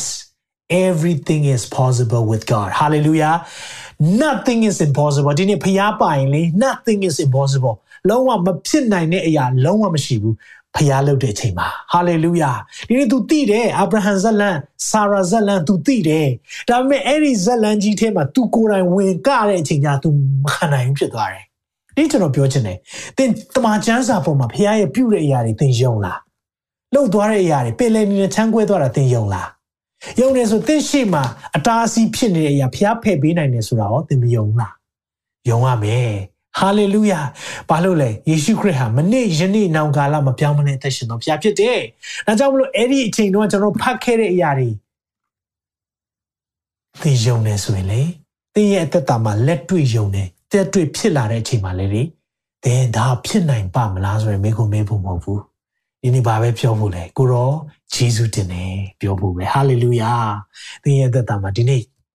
ဖခင်တဲ့ကိုစကားပြောနေလိမ့်မယ်ကျွန်တော်လည်းအများကြီးစကားပြောတယ်ဒီအကြောင်းအရာတွေကျွန်တော်ဖွင့်လိုက်တဲ့အခါမှာဟာအရန်စကားပြောတယ်အရန်စကားပြောတခါလေအချိန်ကြီးကကိုယ့်ကိုတုံ့လှုပ်စရာကောင်းတဲ့အချိန်ကြီးဖြစ်ကောင်းဖြစ်လိမ့်မယ်နော် တခါလေရင်ဆိုင်ရတဲ့အရာကြီးမားလွန်းလို့ငါရင်ဆိုင်နိုင်ပါမလားစိတ်ထဲမှာတုံလှုပ်တဲ့အချိန်မရှိဘူးလားရှိတယ်ဒါမဲ့ဆာလန်ဆရာကပြောတယ်တစ်ချက်ကြည့်အောင်ဆာလန်ဆရာကလေဆာလန်116မှာဘာပြောထားလဲဆိုတော့အငယ်30မှာငါသည် အလွန်ညှိုးငယ်ခြင်းကိုခံရ၏ဟုဝတ်ဆိုတော်လေ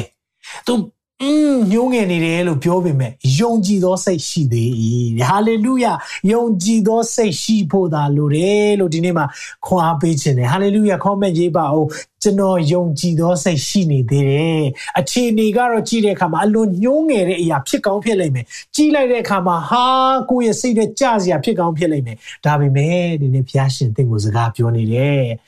ယုံကြည်သောစိတ်ရှိသေးတယ်ဟာလေလုယာအဲ့လိုရှိဖို့ဘုရားလိုတော့ရှိတယ်။ ဘာကြောင့်လဲဆိုတော့နောက်ဆုံးသောကာလမှာသခင်ယေရှုကိုယ်တိုင်ပြောလဲ။ငါလောကကိုပြန်လာတဲ့အခါမှာဒီနေ့အဲ့ဒီယုံကြည်တဲ့သူတွေရှိကောရှိပါအောင်မလားတဲ့။မင်းနေပြီ။သင်ရှိအောင်မလား။ကျွန်တော်ရှိအောင်မလား။ဒီနေ့ကျွန်တော်ဝန်ခံရအောင်ကျွန်တော်တို့ရှိသေးတယ်လို့အာမင်။ယုံကြည်တဲ့သူတွေလောကကြီးမှာယုံကြည်တဲ့သူတွေရှိကောရှိပါအောင်မလား။ ဖြစ်လာတယ်ကျွန်တော်ခစ်တွေကတိုးတက်လာတဲ့အခါမှာကျွန်တော်တို့အတွေးခေါ်တွေတိုးတက်လာတဲ့အခါမှာတစ်ခါလေကျွန်တော်စဉ်းစားတဲ့အခါမှာဟုတ်ပါမလားကျန်းစာပြည့်ပြည့်စုံပါမလားကျန်းစာကြီးရတာတကယ်ရောဟုတ်ရဲ့လားဒန္တာကြီးစာကြီးလားမိတ်ဆွေယေရီခေါမြို့ကြီးပြိုသွားတယ်ချီးမွမ်းခြင်းနဲ့ကြွေးကြော်ခြင်းနဲ့ပြိုသွားတယ်ဒီနေ့ဒီအရာကိုတင်းရဲ့ဘဝမှာလဲတကယ်ကြုံတဲ့အခါမှာတင်းကိုဘာတွေကာယံထားလဲတင်းသွားမဲ့လမ်းကိုကာယံထားတဲ့အရာရှိရင်လေဒီနေ့နှုတ်ဖွင့်ဖို့လိုတယ်နှုတ်ဖွင့်ရမယ့်အချိန်မှာနှုတ်ဖွင့်ပါ ဒီနေ့အဲ့ဒီဇာခရိကဒီအချိန်မှာနှုတ်ဖွင့်ရမှာတကယ်တော့နှုတ်ဖွင့်လေချီးမွမ်းတဲ့အချိန်မှာ तू နှုတ်ဖွင့်ပြီးတော့မချီးမွမ်းဘူးဟာဒါတွေ तू သိတာပဲကျမ်းစာ तू ဂျစ်ဘရဟိဆိုတာကျမ်းစာကောင်းကောင်းသိတဲ့သူတွေပဲအာဗြဟံတို့ဆာရာတို့ဇလန်တွေသိတာပေါ့ဖခင်က supernatural တဘာဝထက်လွန်တဲ့ဖခင်ဖြစ်တယ်တချို့အရာတွေလုံးဝတဘာဝမကြဘူးဖခင်လုပ်တဲ့အရာ no လုံးဝတဘာဝမကြတာအများကြီးရှိတယ်။ဘာကြောင့်တဘာဝမကြအောင်လဲ တဘာဝလွန်ဖျားဖြစ်လို့ဒီနေ့ကျွန်တော်ယုံကြည်တယ်သင်ရဲ့အသက်တာမှာတဘာဝလွန်ဖျားကိုလေရထားပြီးတော့တချို့ຢာတွေတဘာဝမကြဘူးလို့တွေးခေါ်နေစေဖြစ်တယ်ဆိုရင်တော့လေဒါကိုယ့်ရဲ့ခွန်အားပေါ်မှာယက်တည်တာအဲကြောင့်ဒီနေ့ကျွန်တော်တို့ဆူတောင်းကချက်တင်ပြပါဆူတောင်းပေးမယ်ဆိုကျွန်တော်တို့မှာ pressure လုံးဝမရှိဘူးမ pressure မရှိကျွန်တော်တို့ကုပေးတာမဟုတ်ကျွန်တော်တို့ healing လုပ်တာလုံးဝမဟုတ်အဲဒါကြောင့်ကျွန်တော်တို့မှလေရတဲ့ဘယ်ဆူတောင်းချက်မဆိုလာခဲ့ရတယ်ဘာကြောင့်လဲ ကျွန်တော်တို့လုပ်တာမဟုတ်ဘုရားလုပ်တာအာမင်ဒီနေ့အသက်ရှင်တဲ့ဒါရဘုရားလုပ်တာဖြစ်တဲ့အတွက်ကျွန်တော်တို့တာဝန်ကတောင်းဖို့လေသူ့တာဝန်ကပေးဖို့လေဟုတ်တယ်နော်ကျွန်တော်တာဝန်ကပေးဖို့ဆိုရင်တော့ကျွန်တော်တို့တောင်းချင်မှတောင်းမှာပေါ့ဒါပေမဲ့ကျွန်တော်တို့ပေးရမှာမဟုတ်ဘူးကောင်းကင်အဖာပေးမှာဒါကြောင့်ကျွန်တော်တို့ရဲ့တာဝန်ကတောင်းဖို့ကောင်းကင်အဖရဲ့တာဝန်ကပေးဖို့တစ်ခေါက်ပြန်ပြောမယ်ကျွန်တော်တို့ရဲ့တာဝန်ကတောင်းဖို့ကောင်းကင်အဖရဲ့တာဝန်ကပေးဖို့ဒီနေ့ဖခင်အဖြေပေးလာပြီ အာမင်ပါယေရှုတင်ပါတယ်လို့လက်ခံလိုက်ရုံပဲဟာလေလုယအော်ပြီးတော့လက်ခံလိုက်ရုံပဲဒါပေမဲ့ကျွန်တော်အိုပြီတဲ့ကိုယ့်ရဲ့မတက်နိုင်တဲ့အရာကိုယ့်ရဲ့မဖြစ်နိုင်တဲ့ကိုယ့်ရဲ့ခွန်အားပေါ်မှာယက်တည်နေတော့ဘုရားမကြိုက်ဘူးဘုရားမကြိုက်ဘူးအဲကြောင့်လေ तू နှုတ်အသွားတယ်လို့ပြောတဲ့ခါမှာလေချီးမွမ်းတဲ့ချိန်မှာမချီးမွမ်းတော့လေတကယ်တမ်းကလေးရတဲ့ခါမှာချီးမွမ်းစရာမရှိတော့ဘူးသူမှချီးမွမ်းလို့မရဘူးဖြစ်သွားတယ်ကိုလာလောက်စောင့်လိုက်ရတယ် သူနှုတ်စိတ်နေလိုက်ရတယ်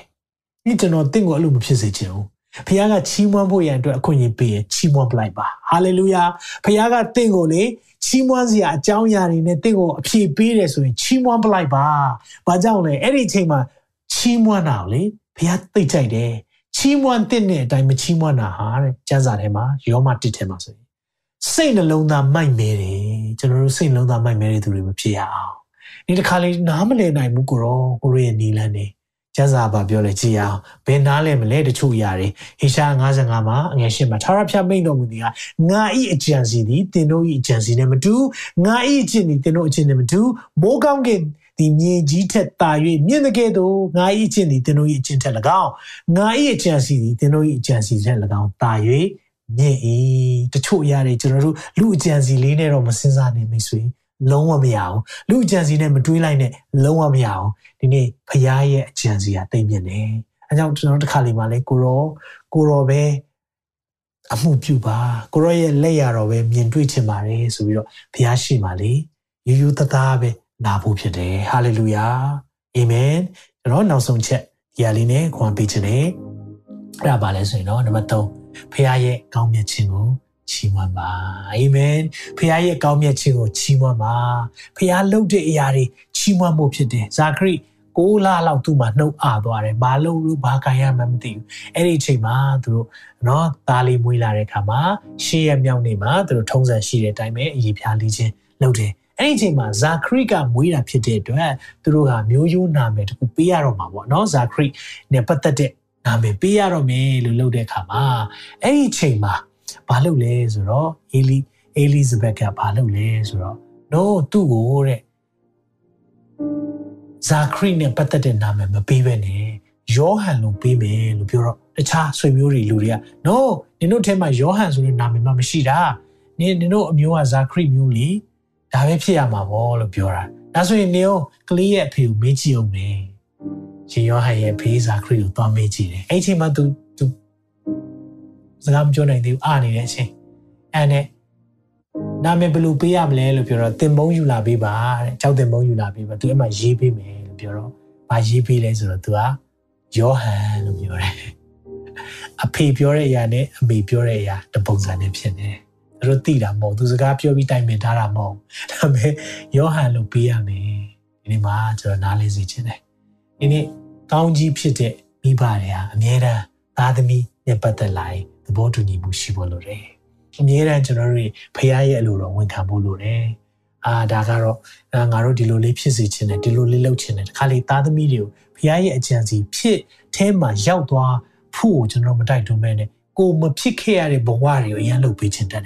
ကိုတက်တက်ချင်ခဲ့တဲ့အရာမတက်ခဲ့ရလို့သားသမီးရောတင်းတက်ခိုင်းတာမျိုးဖြစ်ပါစေနဲ့မိတ်ဆွေဒီနေ့ဖခင်သူ့ပုံမှာပါကြံရှိလေကျွန်တော်တို့တွေရှာပေးရမယ် သူတို့ဘာစိတ်ဝင်စားလဲဘယ်အရာမှာထူးချွန်တယ်လဲဖခင်သူတို့ဘာကြံစီရှိတယ်လဲအဲ့ဒီအရာကိုကျွန်တော်တို့တွေကရှာဖွေဖော်ထုတ်ပေးတဲ့အခါမှာတော့ဒီဖခင်ဖြစ်စေခြင်းနဲ့ဘဝသူတို့ပိုင်ဆိုင်တဲ့အခါမှာသူတို့ဘဝမှာလေအမြဲတမ်း satisfy ကြည်နဲ့ရောက်ရဲတဲ့ဘဝအမြင်ဖြစ်တယ်အာမင်အဲကျွန်တော်လည်းအမျိုးမျိုးလုပ်ကြတယ်ကျွန်တော်ငယ်တော့လည်း DSC သွားမလို့လို့လုပ်ခဲ့သေးတယ်เนาะပြီးတော့ကျွန်တော် engineering တက်တယ် ဘူမိဗေဒလည်းကျွန်တော်တက်ဖူးတယ်အဲ့ဒါပြီးရင်ကျွန်တော်နော်အာအင်္ဂလန်ကိုကျွန်တော်ပို့ပြီးတော့ဗာတက်ခိုင်းလဲဆိုတော့ဆေးချောင်းတက်ခိုင်းတယ်တရက်ပဲတက်တယ်နောက်ဆုံးကျွန်တော် music ချောင်းတက်တယ်ဘာကြောင့်လဲဆိုတော့ကျွန်တော်ဘိုးကမှာ music နဲ့ပတ်သက်တာကျွန်တော်ရဲ့လုပ်ရမယ့်အရာတစ်ခုဆိုတော့ကျွန်တော်သိတယ်ဒါပေမဲ့အဲ့ဒီအရာလဲဒီနေ့ဖះအသုံးတော်ခံတဲ့အခါမှာဖះကိုချီးမွမ်းမှုအကြောင်းဖြစ်လာတယ်ဒီနေ့နှုတ်ကပတ်တော်မှာမပြောလဲကျွန်တော်တစ်ချက်ကြည့်ရအောင် အဲ့ဒီမှာသူသားရတော့သူအဲ့ဒီနေ့မှာပဲယောဟန်လို့ပြောတဲ့အချိန်မှာသူပါဇက်လေးပွင့်ပြီးတော့သူအခုချိန်ကျတော့သူချီးမွမ်းရမန်းကိုကောင်းကောင်းဇာခရီနားလေသွားတယ်သူဘာတွေချီးမွမ်းလဲတစ်ချက်ကြည့်အောင်အဲ့ဒီမှာအငဲ60ခွန်မှာသူဤပါဇာခရီဒီတန့်ရှင်းသောဝိညာဉ်တော်နဲ့ပြေဝအဲ့ချိန်မှာဝိညာဉ်တော်ဆင်းသက်ပြီးတော့သူဘာတွေပြောလဲဣသီလအမျိုးကြီးဖျားသခင်ထာဝရဘုရားမင်္ဂလာရှိတော်မူစေတည်းဖျားနာမတော်ကိုချီးမွမ်းနေပြီဖျားရဲ့ဂုဏ်ပုတ်တွေသူ ကြွေးကြော်နေပြီအကြောင်းမူကားကဘာဥမဆောက်ရပေါ်ထွန်းသောမိမိတန်ရှင်သော prophet တို့နှုတ်ဖြင့်ဗျာဒိတ်ထားတော်မူသည်နှင့်ညီငါတို့သည်ရန်သူဘေးနှင့်ကင်းလွတ်၍ဖျားသခင်ရှိတော်၌တစ်သက်လုံးတန်ရှင်ဖြောင့်မတ်ခြင်းပါရမီအပြင်ဖျားဝတ်ကိုရဲရင်စွာပြုရသောအခွင့်ကိုပေးမိဟုငါတို့အဘအာဗြဟံအားကျိန်ဆိုခြင်းဂတိတော်တည်ဟုသောတန်ရှင်သောဗြေညင်တရားကိုအောက်မေ့တော်မူသဖြင့်၎င်းငါတို့ဝေးဝေးများနှင့်ဝန်ခံတော်မူသောသနာခြင်းကြီးဂျေဇုကိုပြုတော်မူသဖြင့်၎င်းမိမိလူမျိုးကိုအကြည့်ရှုကြွလာလျက် ရွေးနှုတ်ခြင်းဂျေဇုကိုပြုတော်မူ၍ငါတို့ကိုရန်သူလက်မှ၎င်းမုံသောသူတို့လက်မှ၎င်းကယ်လွတ်မိကြောင်းကယ်တင်ခြင်းဥကြုကိုမိမိကျွန်ဒါဝိဒ်အမျိုးတွေကငါတို့အားပေါ်ထွန်းစေတော်မူ၏သူပါဇက်ပြန်ပွင့်သွားတယ်အားတဲ့ကိုးလလောက်စကားမပြောဘဲအားတယ်ဟာသွားတယ်ဒါပေမဲ့အဲ့ချိန်ပါဇက်ပါဇက်ပြန်ပွင့်ပြီးစကားပြောလို့ရတဲ့အချိန်မှာဘုရားနာမကိုချီးမွမ်းတယ်မိတ်ဆွေဒီနေ့တချို့လူတွေမချီးမွမ်းနိုင်အောင် စာတန်ကနှုတ်အစီတဲ့အချိန်လေးရှိကောင်းရှိလိမ့်မယ်ကျွန်တော်နှုတ်မဖွင့်နိုင်အောင်ပြဿနာခက်ခဲရင်ဆိုင်ကောင်းရှိလိမ့်မယ်ဒါပေမဲ့ကျွန်တော်နားလည်စေချင်တယ်တစ်ခါလေးမှလမ်းမမြင်လို့ချီးမွမ်းနိုင်တဲ့အချိန်လည်းရှိလိမ့်မယ်ဒီနေ့ငိုကြွေးမိတန်းချက်ဟာတဲ့ညဦးရံမှာခဏပဲတဲကိုတယ်ဒါပေမဲ့ joy come in the morning ဝမ်းမြောက်ခြင်းဟာ နေ့သာတင်တဲ့အတူရောက်လာတယ်ကျွန်တော်ယုံကြည်ပါတယ်တည့်ရဲ့သက်တာမှာချီးချီးမွမ်းခြင်းရောက်လာတော့မယ်ဟာလေလုယာချီးမွမ်းခြင်းတွေချီးမွမ်းဖို့အကြောင်းတွေရောက်လာတော့မယ်ဆိုတဲ့အကြောင်းကိုဒီနေ့ပြောချင်တယ်ဒီနေ့ကျွန်တော်ရဲ့သက်တာမှာတစ်ခါလေးမှမချီးမွမ်းနိုင်တဲ့ချိန်ရှိတယ်ပေါ်လူနဲ့တီလာဆိုဘယ်လိုလုပ်မလဲဧဝံဂေလိဝင်ငှတယ်ဘုရားအကြောင်းပြောနေရင်တန်တန်နဲ့ရိုက်ခံရတယ်ထောင်တွင်းခြင်းကြခံရတယ်အာမင်တမန်တော်16 25မှာသကောင်အချိန်၌ပေါ်လူနဲ့တီလာတော့ဟာပထနာပြုလက်ချီးမွမ်းတယ် တခြင်းဆိုတယ်ထောင်ထဲမှာနေတဲ့သူတွေနားထောင်ကြတယ်။သင်ရဲ့ချီးမွမ်းတန်ကိုလေဘေးကလူတွေကြားပါစေ။သင်ရဲ့ချီးမွမ်းတန်ကိုဘေးကလူတွေဒီတယောက်ချီးမွမ်းနိုင်မလားချီးလိုက်အောင်ပဲ။သူရဲ့တက်တာတကယ်ရောချီးမွမ်းနိုင်ပါအောင်မလား။ယောဂဖြစ်နေပြီဆိုချီးမွမ်းနိုင်ပါအောင်မလား။အစင်မပြေတော့ဆိုချီးမွမ်းနိုင်ပါအောင်မလား။ကိုယ့်ရဲ့စီးပွားကျသွားပြီဆိုချီးမွမ်းနိုင်ပါအောင်မလား။ဖြစ်ကောင်းဖြစ်လိမ့်မယ်။ဒါပေမဲ့မိတ်ဆွေသင်ရဲ့ချီးမွမ်းခြင်းဟာသင်ရဲ့အခြေအနေနဲ့ ချင်းနေပုံမှာမမူတည်ပါစေနဲ့။တင်းရဲ့ချီးမွမ်းခြင်းဟာဖခင်ရဲ့ကောင်းမြတ်ခြင်းပုံမှာပဲမူတည်ပါစေ။ဒါကြောင့်ဇာခရိကလေဖခင်ဘသူလဲအာဗြဟံပုံမှာဘလို့ဂတိပေးခဲ့လဲ။ဒါဝိပုံမှာဘလို့ဂတိပေးခဲ့လဲဆိုတော့အရင်ဖခင်ရဲ့ဖြစ်ခြင်းတွေအားလုံးပုံမှာပဲသူဆက်လက်ပြီးတော့ချီးမွမ်းနေတာတွေ့ရတယ်။အဲ့ဒီနောက်ွယ်မှာသူဗာဆက်ပြောလဲဆိုတော့သူရဲ့သား နော်ဘက်တီဇန်ဆီယာယောဟန်ပေါ်မှာသူကောင်းကြီးပေးတဲ့စကားတွေထွက်လာတယ်အချင်းတငယ်တင်ဒီအမြင့်ဆုံးသောဖခင် prophet ဟုခေါ်ဝေါ်ခြင်းကိုခံရနိုင်ပြီအကြောင်းမူကားငါတို့ဖခင်သခင်ဤတနာတော်မူခြင်းကျေးဇူးတော်အဖြစ်အဖြစ်ဖြေကယ်တင်ခြင်းသို့ရောက်နိုင်ကြောင်းကိုဖခင်သခင်ဤလူမျိုးအားဖော်ပြသဖြင့်ထာဝရဘုရား၏လမ်းခီကိုပြင်ဆင်ခြင်းကတင်သည်ရှေတော်နိုင်သွားမယ်။ဘုရားရဲ့လမ်းပြင်မဲ့သူဖြစ်တယ်။ကြည်တခါတည်း prophet ပြုချက်လာတယ်။ အရေးကြီးတယ်နော်။ဖခင်များတင်းရဲ့သားသမီးအပေါ်မှာဖျားထားတဲ့အကြံစီတွေကိုလေပြောဖို့လိုတယ်ဖျားထားတဲ့အကြံစီတွေကိုလေသင်ကလေသူတို့အပေါ်မှာ declare declaration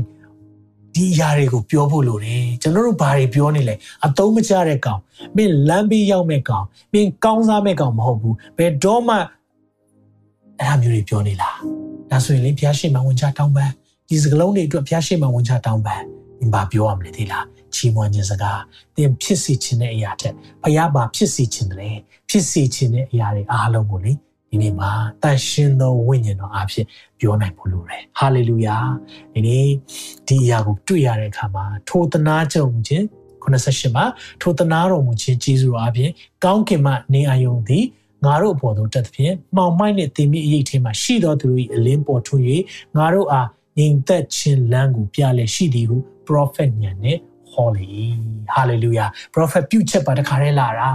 တခါတည်းသူ့ရဲ့သားပေါ်မှာသူပြောတယ်ထိုးတငယ်ဒီကကြီးပွား၍ညံသက်တည်နဲ့ပြည်စုံပြီ။ဘာကြောင့်အဲ့လိုဖြစ်တယ်တဲ့လဲ။နေဖခင်နေမိခင်ရဲ့စကားတဲ့သိရကြည့်တယ်။သင်ဘွားကသင်ရဲ့အသက်တာမှာဒီနေ့ချီးမွမ်းခြင်းနေဖခင်ရဲ့အကြံစီတွေကိုသားသမီးတွေပုံမှာပြောနေမယ်ဆိုရင်တော့ သူတို့ဟာညံကြီးပွားပြီးတော့ညံတတ်တည်နဲ့ပြည်စုံတယ်အေဒီလာလူတို့အားမတရှားမတင်ရှားမိတိုင်အောင်တောရနိုင်နေလေ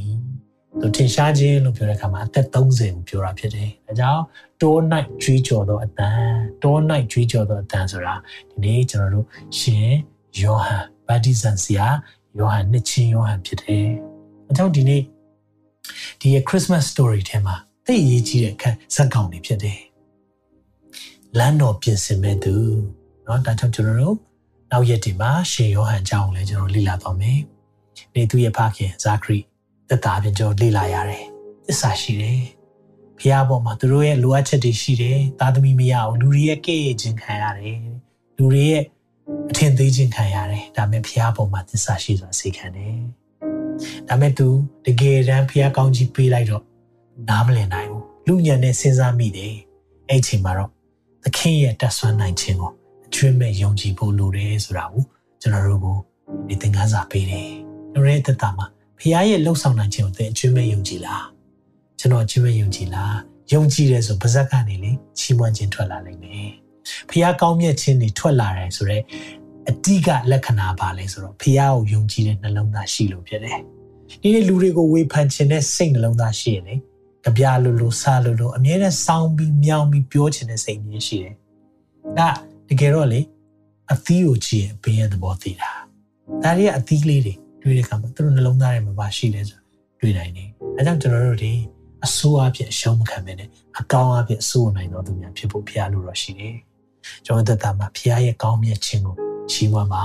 ။အတွင်းထဲမှာတကယ်ထိသွားရင်လေအပြင်အမြဲတမ်းထွက်လာတယ်။နှလုံးသားထဲမှာဖရားရဲ့ကောင်းမြတ်ခြင်းထိသွားရင်လေ အပြင်ကိုအမြဲတမ်းထွက်လာနေရှိတယ်။ဒီဖရားသင်ပေါ်မှာသိချစ်တဲ့အရာတွေအများကြီးရှိတယ်။သင်ပေါ်မှာကောင်းမြတ်တဲ့အရာတွေရှိတယ်။ဒီခရစ်မတ်ဇလန်ကိုကြည့်တဲ့အခါမှာဒီအရာဒီအကြီးမားဆုံးသောမေတ္တာဇလန်အချစ်ဇလန်ကြီးအဲ့ဒီအချစ်ဇလန်မှာတကယ်မင်းသားလာတော့မယ်ဇက်ပူလေးတွေဇက်ရံလေးတွေရှိနေတယ်ဒီအရာလေးတွေကြည်ချမ်းနေကျွန်တော်ရဲ့အသက်တာမှာဘာနာလဲရမလဲဘုရားကျွန်တော်တို့ကိုဘယ်လိုသွန်သင်မလဲ သခင်ယေရှုရဲ့အပါနာမှာကျွန်တော်နေရမယ့်သူတွေဘယ်လိုစိတ်ထားမျိုးတွေကျွန်တော်လိုအပ်တယ်လဲဒီဘုရားခင်သင်ကို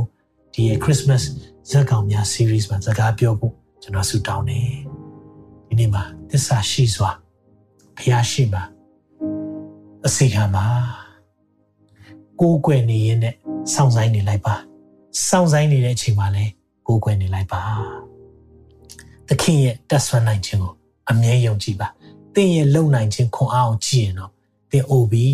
သင်ပညာမတတ်ဘူးသင်ဥစ္စာမရှိဘူးအားငယ်နေလိမ့်မယ်သခင်ရဲ့တတ်နိုင်ခြင်းကိုကြည့်တဲ့အခါမှာတော့လေငါ့ကိုခွန်အားနဲ့ပြည့်စုံစေတော်မူသောခရစ်တော်အဖြစ်ခတ်သိမ်းသောအမှုတို့ကိုငါတက်ဆွမ်းနိုင်၏လို့သင်ကြွေးကြော်နိုင်လိမ့်မယ်ဟာလေလုယာသင်တို့ဖက်၌ရှိတော်သူဟာလောကဖက်မှာရှိတော်သူတဲ့တာ၍အားကြီးတယ်ဆိုတာမမေ့နဲ့အဲကြောင့်မလို့သင်ရဲ့သက်တာဘာလို့အပ်လဲသခင်ရဲ့တက်ဆွမ်းနိုင်ခြင်းကိုအမြဲယုံကြည်ပါပြီးရင်တော့ ကောင်းကြီးရည်ထွက်ပါဖះပြုတဲ့အရာတွေပြုတော်မူသောကျေးဇူးတွေအောက်မေ့ကြည့်လိုက်ဖះကျွန်တော်တို့ပေးတဲ့အရာအများကြီးရှိတယ်ဒီကသွားဆုတောင်းပေးတဲ့အဲ့ဒီခါနာတဲ့သူကခါကောင်းတဲ့ချိန်မှာတခါမှကျေးဇူးမတင်ဘူးဖះခါကောင်းတဲ့ချိန်တော့တခါမှဒီဟာကြီးကကျေးဇူးတင်ရကောင်းမှမသိဘူးခုချိန်မှာထဖို့ခက်ဒူးထောက်ပြီးခက်ရေချိုးဖို့ခက်သွားဖို့ခက် ခိုင်းခုလုံးอ่ะဒီနော်သင်ချီးမွမ်းပါသင်ကျွန်တော်ရဲ့အတန်ကြားရင်ဒါချီးမွမ်းစရာအတင်မှာကြားရတဲ့နားရှိနေတယ်ကျွန်တော်ရဲ့ရုပ်ကိုမြင်နေတယ်သင်မြင်ရတဲ့မျက်စိရှိနေတယ်သင်ဖုန်းလေးကနေကြည့်နေတယ်ဒီနေ့ smartphone ကိုင်နိုင်တယ်ဖုန်းတစ်ခုခုနဲ့သင်လာနိုင်တယ်အင်တာနက်ရှိနိုင်တယ်ဘုရားရှင်သိကောင်းမြတ်တယ်ဒီအရာတွေမချီးမွမ်းတဲ့ဘူးလားသိချီးမွမ်းတဲ့တာပေါ့ဒီအရာတွေချီးမွမ်းတဲ့ခါကျရင်လေသင်ရဲ့အသက်တာမှာလေ အဖြည်းဖြည်းနဲ့ဘုရားပြုတဲ့အရာတွေကိုနားလည်လာနိုင်မယ်ဟာလေလုယာအဲ့ဒါလောက်စကန်နေရအောင်တရှင်တော်ဘုရားနာမတော်ချီးမွမ်းနေဒီနေ့ Christmas ဇာတ်ကောင်များ series ကနေဇာခရီနဲ့ Elizabeth အကြောင်းကြားနာလို့ကိုရောကိုယေရှုတင်ပါတယ်ပါဒီနေ့ဒီအသက်တာမှာကျွန်တော်ဆင်ခြင်စရာမြောက်များစွာရှိတယ်အထူးသဖြင့်ကိုရောကိုရောပေါ်မှာသစ္စာရှိစွာနဲ့အစီခံတော်သူများ ကျွန်တော်ရဲ့အသက်တာမှာဖြစ်ဖို့ဝိညာဉ်တော်မာစာပါအထူးသဖြင့်ကိုရောစောင့်ဆိုင်ရတဲ့အချိန်မှာကျွန်တော်တို့စိတ်မရှိတတ်ပါဒါပေမဲ့ကိုရောစောင့်ဆိုင်တဲ့အချိန်မှာလည်းကိုရောကိုရောကိုကိုးကွယ်တော်သူများဖြစ်စေပါကိုးကွယ်နေတဲ့အချိန်မှာလည်းစောင့်ဆိုင်တတ်တော်သူများလည်းဖြစ်စေပါမိကြောင်းဝိညာဉ်တော်ဘုရားကျွန်တော်တို့မဆာပါကျွန်တော်တို့တစ်ခါလေးမှာကိုယ့်ရဲ့တက်ဆွမ်းနိုင်တဲ့အပေါ်မှာမူတည်မိတတ်ပါတယ်ကိုရောဒီနေ့ကိုရောရဲ့တက်ဆွမ်းနိုင်မှုအပေါ်မှာဒါမူမူတည်တော်သူများ ကိုရောရဲ့တက်ဆွမ်းနိုင်တော်သူများချင်းပေါ်မှာသာရက်တည်တော်သူများဖြစ်စေမှုရန်အတွက်ဝိညာဉ်တော်ဘုရားကျွန်တော်တို့ကိုဒီနေ့မှာမဆာပါဒုနေ့ကောင်းမဲ့ကိုရောကိုရဲကောင်းမြတ်ခြင်းကိုအမြဲတမ်းရည်အတွက်ချီးမွမ်းတော်သူများဖြစ်စေပါကျွန်တော်နှုတ်မှာချီးမွမ်းခြင်းစကားမထွက်တဲ့အခါမှာကိုရောကိုကျေးဇူးတင်ရကောင်းမှမသိတဲ့အခါမှာကျွန်တော်တို့နှုတ်အားသွားတတ်ပါတယ်။ဒါကြောင့်ကိုရောကျွန်တော်နှုတ်မအားခြင်းမအောင်ကိုရောကိုရောကိုချီးမွမ်းတော်သူများ ဖြစ်စေပါ။သားသမီးရှိတဲ့မိခင်များမိဘများသည်လေကိုရောကိုယ့်ရဲ့သားသမီးကိုယ့်ရဲ့မောင်နှမတွေကိုယ့်ရဲ့အငယ်တွေအပေါ်မှာကိုရောဖခင်ရဲ့အကြံစီကိုအမြဲတမ်းရွတ်ဆိုတော့ declare လုပ်တော့ဟောပြောတော်သူများဖြစ်စေဖို့ရန်အတွက်ဝိညာဉ်တော်ဘုရားမာစားပါဒီညမှာကိုရောရဲ့ပို့ဆောင်ခြင်းနဲ့လမ်းပြခြင်းအတွက်အထူးကျေးဇူးတင်ပါတယ်။ဒီအနုဘတ်တော်ကိုကိုရောဘုရားရှင်နာမနဲ့ကောင်းချီးပေးသလိုနှလုံးသားများမှာလည်းဒီဆောက်ပွေနဲ့ဒီရာပြခွာရစရာဖြစ်စေပါ တရှင်တော်ဒါတော့သခင်ယေရှုနာမတော်ကိုချီးမွမ်းနေဒါရမယေရှုနာမ၌ဆုတောင်းဆက်ကအနံပါ၏ပါ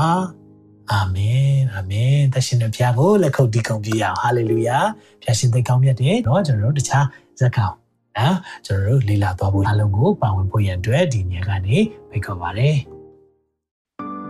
တင်ခုလိုနာဆင်ခွန်အားနိုင်ခြင်းဟာမြန်မာ Worship Ministry ကိုလာဆင်ပန်ပိုးနေကြတဲ့ Kingdom Partners များအကြောင်းဖြစ်ပါတယ်။ဖျားခင်နိုင်ငံတော်ကျယ်ပြန့်ရေးအတွက်လာဆင်ပေးကမ်းပောင်းဖို့ရန်ဖိတ်ခေါ်လိုပါတယ်ရှင်။